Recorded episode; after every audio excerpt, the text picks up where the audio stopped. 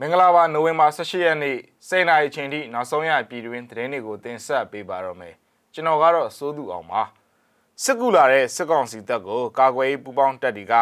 ကြားဖြတ်တိုက်ခိုက်လိုက်တာကြောင့်စစ်ကောင်စီတပ်သား18ယောက်လောက်တေဆုံးနိုင်ကြောင်းကလေး PDF ကသတင်းထုတ်ပြန်ပါတယ်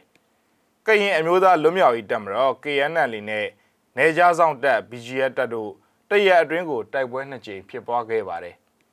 တပေချင်းမြို့နယ်တဲကစီရီယန်ကျောင်းဆရာတယောက်စစ်ကောင်စီကဖမ်းဆီးခံရပြီးနောက်မှာပဲစစ်ကြောရေးမှာတေဆုံးသွားရပါတယ်။နိုင်ငံတကာသတင်းတွေဘက်မှာတော့အာမေးနီးယားနဲ့ဖြစ်တဲ့နယ်စပ်တိုက်ပွဲတွေအတွင်းစစ်သား9ယောက်တေဆုံးခဲ့တယ်လို့အဇာဘိုင်ဂျန်ကထုတ်ပြန်လိုက်ပါတယ်။ဒီအကြောင်းတွေပါဝင်တဲ့နောက်ဆုံးရပြည်တွင်းနဲ့နိုင်ငံတကာသတင်းတွေကိုတင်ဆက်ပေးပါတော့မယ်။နိုဝင်ဘာ16ရက်ကတပ်ဆွဲခဲ့တဲ့ကာကွယ်ရေးတပ်စခန်းမှာ အင်အားဖြည့်တင်းဖို့ငကဘောဘက်ကနေခြိတက်လာတဲ့စစ်ကောင်စီရင်နှန်းကိုကာကွယ်ရေးတပ်ဖွဲ့ကအကြိမ်ကြိမ်ကြားဖြတ်တက်ခိုက်ရာ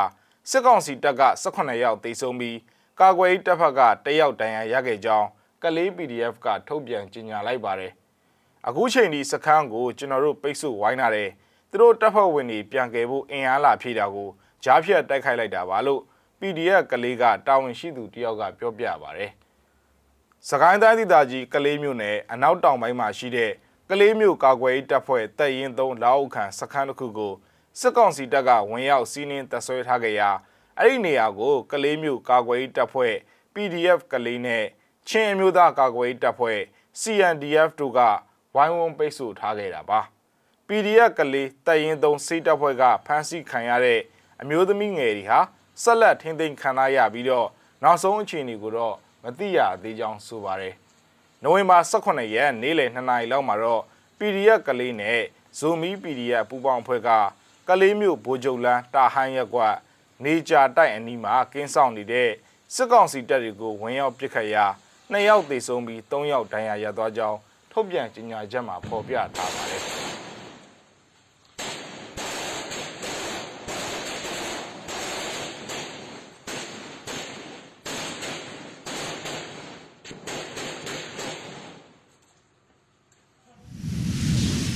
မန္တလေးတိုင်းဒေသကြီးတပိတ်ချင်းမြို့နယ်မြင်းသာကျေးရွာမှာနိုဝင်ဘာ18ရက်နေ့လယ်17ခွဲဝန်းကျင်က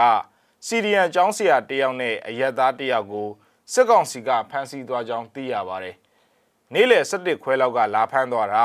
စီရီယန်ကျောင်းဆရာရဲ့အိမ်ကိုတော့အတော်လေးကိုမှွေနှောက်ပြီးရှာသွားကြတယ်။ပစ္စည်းတွေရိုက်ခွဲဖျက်ဆီးပြီးဘက်ထရီအိုးတွေတည်သွားကြတယ်လို့အမိမဖော်လူသူတယောက်ကပြောပြပါတယ်။အဆိုပါဖမ်းဆီးခံရတဲ့စီရီယန်ကျောင်းဆရာနဲ့ အရက်သားတယောက်တို့ကို PDF အဆက်အသွယ်ရှိတယ်ဆိုပြီးဒလန်ရဲ့သတင်းပေးတိုင်ကြားမှုကြောင့်ဖမ်းဆီးခဲ့တာလို့လည်းသိရပါတယ်။ဖမ်းဆီးခံရသူနှစ်ယောက်မှာအရက်သားတယောက်ကိုပြန်လွှတ်ပေးခဲ့ပေမဲ့ရိုက်နှက်ခံရမှုကြောင့်ဒဏ်ရာပြင်းထန်ကြောင်းသိရပါတယ်။စီရီယန်ကျောင်းဆရာဦးစော်မင်းအောင်ကတော့စစ်ကောင်စီရဲ့ရိုက်နှက်စစ်ဆေးမှုကြောင့်ကြာညက်ရဲကင်းစခန်းစစ်ကြောရေးမှာနိုဝင်ဘာ18ရက်နေ့ညနေ9:00နာရီကတေဆုံးသွားပြီလို့လည်းသိရပါတယ်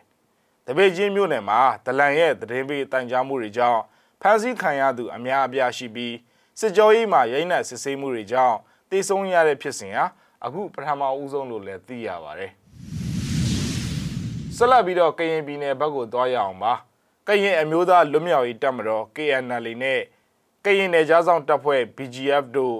နိုဝင်ဘာ18ရက်မှာတရက်တာအတွင်းတိုက်ပွဲနှစ်ကြိမ်ဖြစ်ခဲ့ကြောင်း KNU ဒုတိထုခရိုင်ကထုတ်ပြန်ခဲ့ပါတယ်။ KNU တထုံခရိုင်ဗန်မြို့နယ်အတွင်းကိုဝင်ရောက်လာတဲ့အာနာသိန်းအကြမ်းဖက်စစ်ကောင်စီလက်အောက်ခံ BGF တပ်ဖွဲ့ဝင်တွေကိုကရင်အမျိုးသားလွတ်မြောက်ရေးတပ်မတော် KNL တပ်မဟာ1တပ်ရင်း1ကနေပြီးတော့နိုဝင်ဘာ18ရက်မနက်အစောပိုင်းတနာရီလောက်မှာတစ်ချိန်နေကင်း2နာရီလောက်မှာတစ်ချိန်တွားရောက်ပြစ်ခတ်ခဲ့တာလို့သိရပါတယ်။ပြစ်ခတ်မှုကြောင့် BGF တပ်ဖွဲ့ဝင်တွေမောင်းနေလာတဲ့ကားသုံးစီးပျက်စီးခဲ့ရကထိခိုက်သိမ်းဆုပ်မှုအခြေအနေကိုမသိရသေးကြောင်း KNU ကထုတ်ပြန်ပါတယ်။ စစ်ကောင်စီလက်အောက်ခံ BGF တပ်ဖွဲ့ဝင်တွေဟာနိုဝင်ဘာ16ရက်မှာဗန်မြို့နယ်ဟတ်တလိုက်ကြီးနယ်အုပ်စုဖလန်တောင်ကျွော်မှာရှိတဲ့16ဂရင်ဆက်တိုင်းနယ်စေးရုံကိုဝင်ရောက်စီးနင်းပြီးစေးရုံပြတင်းပေါင်းနဲ့မှန်တကားတွေကိုရိုက်ခွဲဖျက်ဆီးတာစေးရုံမှာရှိတဲ့ဆိုင်ငယ်တစ်စီးကိုဖျက်ဆီးတာလုပ်ခဲ့ပြီးစေးရုံအတွင်းကိုဘဒုကမှဝင်ရောက်ခွင့်မပေးဘဲတက်ဆွဲထားခဲ့ကြောင်းလည်းဆိုပါတယ်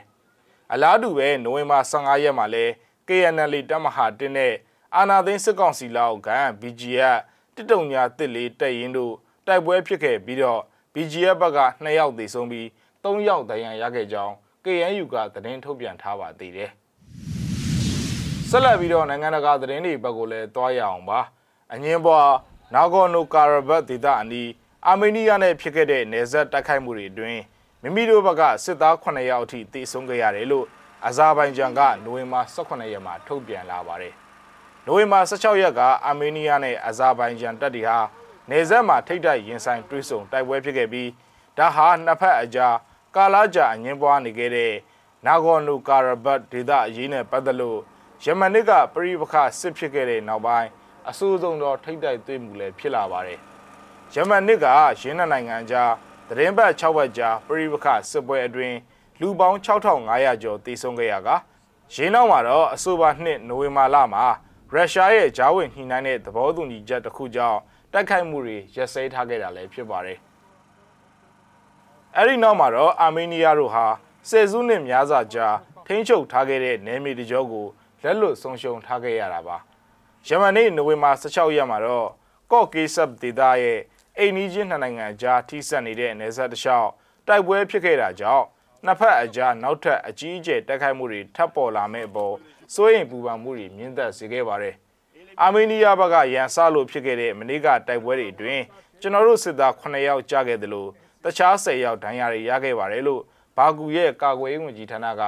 နိုဝင်ဘာ18ရက်မှာထုတ်ပြန်ပါတယ်။နိုဝင်ဘာ16ရက်ညနေပိုင်းမှာတော့နေဆက်ရဲ့အခြေအနေဟာတည်ငြိမ်နေခဲ့တယ်လို့လည်းရင်းကပြောပါတယ်။အဲ့ဒီမတိုင်မီအာမေးနီးယားကာကွယ်ရေးဝန်ကြီးဌာနကထုတ်ပြန်ခဲ့ရမှာတော့နေဆက်တိုက်ပွဲတွေကြောင့်အာမေးနီးယားစစ်သား၁ယောက်သေဆုံးပြီး 73ယောက်အဖမ်းခံရက24ယောက်ပျောက်ဆုံးနေတယ်လို့ထုတ်ပြန်ထားပါတယ်။ရင်းနောက်မှာတော့နေဆက်ထိတ်တိုက်တွေးမှုတွေနဲ့ပတ်သက်လို့နှစ်နိုင်ငံဟာတစ်ဖက်နဲ့တစ်ဖက်အပြန်အလှန်ဆွဆွဲထားခဲ့ကြပါတယ်။လက်ရှိမှာတော့ရုရှားရဲ့ဂျားဝင်စစ်ဆက်မှုကြောင့်နှစ်ဖက်အကြားအပြည့်ရဆဲမှုသဘောတူညီချက်တစ်ခုကိုနိုဝင်ဘာ16ရက်ညနေပိုင်းကရရှိထားတယ်လို့သိရပါတယ်။အလားတူပဲနှစ်ဖက်အကြားတင်းမာမှုအရှိန်တွေရောကြအောင်လုပ်ဖို့ဥရောပသမဂ္ဂပြင်သစ် အမေရိကန်နဲ့ကုလသမဂ္ဂတို့ကလည်းတိုက်တွန်းထားပါသေးတယ်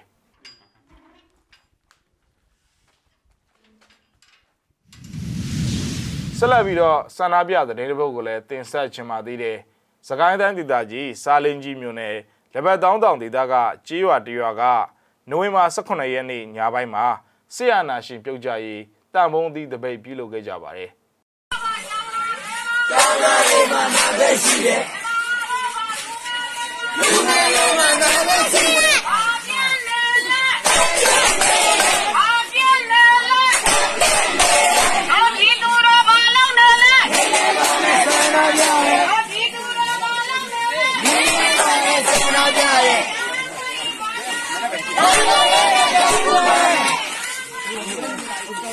ကျောင်း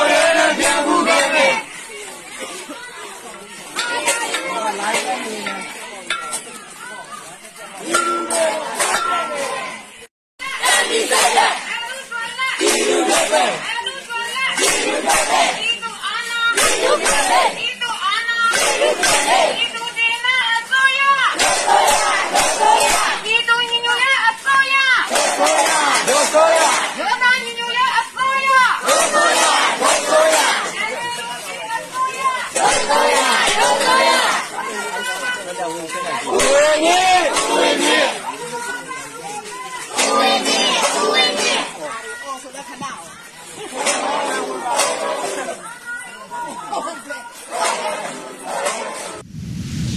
မြစီမရဲ့သတင်းစီစဉ်ကိုဒီမှာခဏရနာကြမှာတယ်ကြည့်ရှုခဲ့တဲ့မိဘပြည်သူတူးချင်းစီကိုကျေးဇူးအထူးပဲတင်ရှိပါတယ်ကျွန်တော်တို့သတင်းနဲ့အတူတူပြန်ဆောင်ကြပါဦးမယ်